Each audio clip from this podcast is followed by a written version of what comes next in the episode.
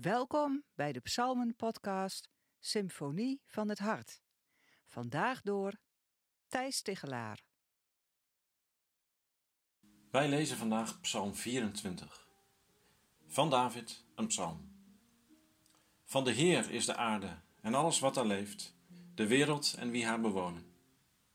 Hij heeft haar op de zeeën gegrondvest, op de stromen heeft hij haar verankerd. Wie mag de berg van de Heer bestijgen? Wie mag staan op zijn heilige plaats? Wie reine handen heeft en een zuiver hart, zich niet inlaat met leugens en niet bedrieglijk zweert. Zegen zal hij ontvangen van de Heer en recht verkrijgen van God zijn redder. Dat valt hun ten deel die u zoeken, die zich tot u wenden, het volk van Jacob. Hef, o poorten, uw hoofden omhoog Verhef u, al oude ingangen, de koning vol majesteit wil binnengaan. Wie is die koning vol majesteit? De Heer, machtig en heldhaftig, de Heer heldhaftig in de strijd. Hef, o poorten, uw hoofden omhoog, verhef ze, al oude ingangen, de koning vol majesteit wil binnengaan. Wie is hij, die koning vol majesteit? De Heer van de hemelse machten. Hij is de koning vol majesteit.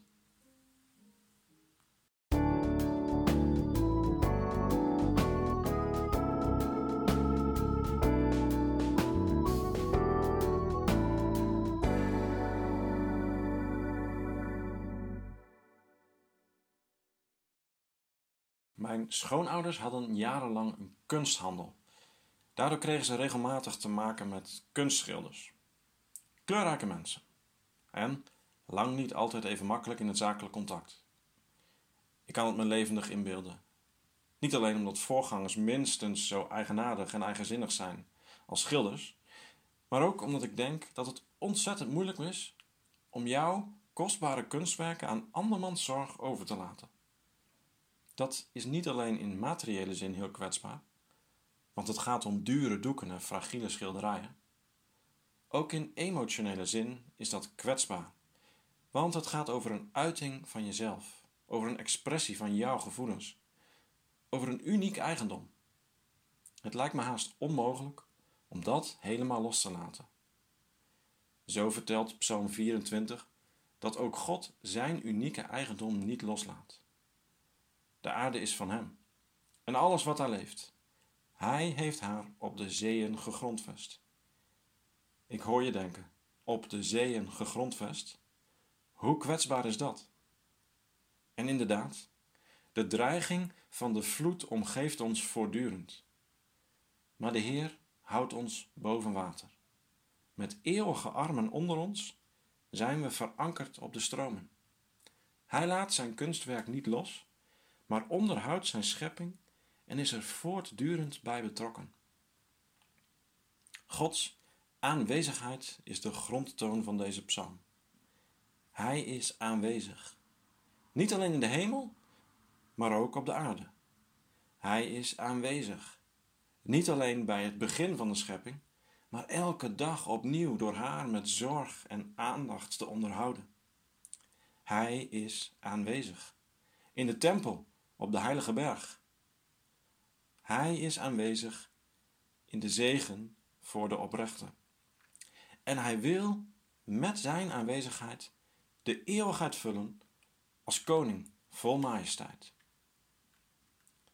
Deze aanwezigheid is dynamisch, zoals de tabernakel mobiel was en liet zien dat God met zijn volk meereisde. Maar ook, zoals Ezekiel zag hoe de heerlijkheid van de Heer de tempel verliet. Want de aanwezigheid van God kan komen en gaan, die kan je niet zomaar vasthouden. Je hebt daarom schone handen nodig, zegt Psalm 24. En dat betekent meer dan alleen het pompje met desinfecterende handgel gebruiken. Voor de duidelijkheid staat er dan ook bij en een zuiver hart. Dat geluid horen we vaker in de Bijbel, onder andere van Jezus zelf. Als een zaak van het hart niet in orde is, bespaar je dan de moeite om met een offer in je handen de tempelberg te beklimmen Wacht met dat offer en maak eerst het hart in orde. Denk niet dat Gods zegen gefixeerd kan worden met enkel een uiterlijke code. De aanwezigheid van God is dus niet statisch en niet gefixeerd, maar ze is wel bereikbaar. Bereikbaar voor wie oprecht leeft. Bereikbaar voor het volk van Jacob. Dat klinkt krom, hè? De naam van Jacob, de hielenlichter, in deze context. Maar het is wel een naam waar we bij ons, ons bij kunnen aansluiten. Net als David dat kon. Denk maar eens aan wat hij zijn vriend Uria geflikt heeft. Maar wat is het hoopvol? Dat juist het volk van die Jacob zich tot God mag wenden, bij hem een toevlucht mag vinden en recht en zegen van zijn berg mag wegdragen. Wie zich realiseert dat hij bij dat volk van Jacob hoort, die beseft dat hij, zelfs in de beste versie van zichzelf, tekortschiet en weinig op die berg te zoeken heeft. Maar hij is ook niet op zoek naar de beste versie van zichzelf. Hij is op zoek naar de Heer en zijn aangezicht. En hij beseft dat zijn leven wordt omgeven door de eeuwigheden van God. Zoals je dat ook terugziet in de structuur van deze psalm. Het morele leven van de psalmist wordt voorafgegaan door een eeuwigheid waarin de Heer zich getoond heeft als de goede schepper en trouwe onderhouder van alles wat leeft. En het wordt gevolgd door de eeuwigheid waarin de Heer zijn plaats als koning vol majesteit zal innemen en alles met zijn aanwezigheid zal vervullen. Omgeven door die eeuwigheden vindt ook ons leven zijn plek. En hoe bescheiden het ook is, het zinkt niet weg in het niet. De Heer draagt het. Wat een geweldige aanwezigheid. En die aanwezigheid die mag verder gedragen worden. Wij zijn zijn herauten, geroepen om elke keer weer verder te trekken tot zijn aanwezigheid aan de hele aarde is verkondigd. En toch, soms vergeten we de dynamiek. Soms laten we als kerken de beleidenis van zijn aanwezigheid stollen. Zonder dat je het doorhebt, raak je dan opgesloten in het fort van je eigen bubbel. We denken dat we de aanwezigheid van de Heer kunnen claimen, maar de poorten en luiken zijn dicht. Het contact met buiten is er niet.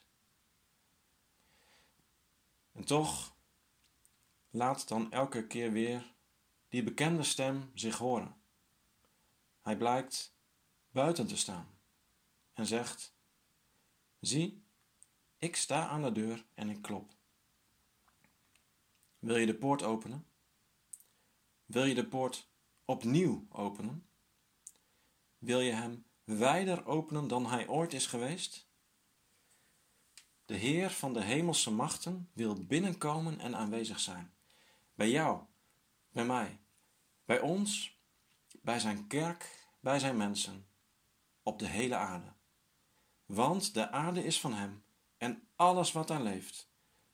Dus span je in, rek je uit en hef je hoofd omhoog, want de koning komt.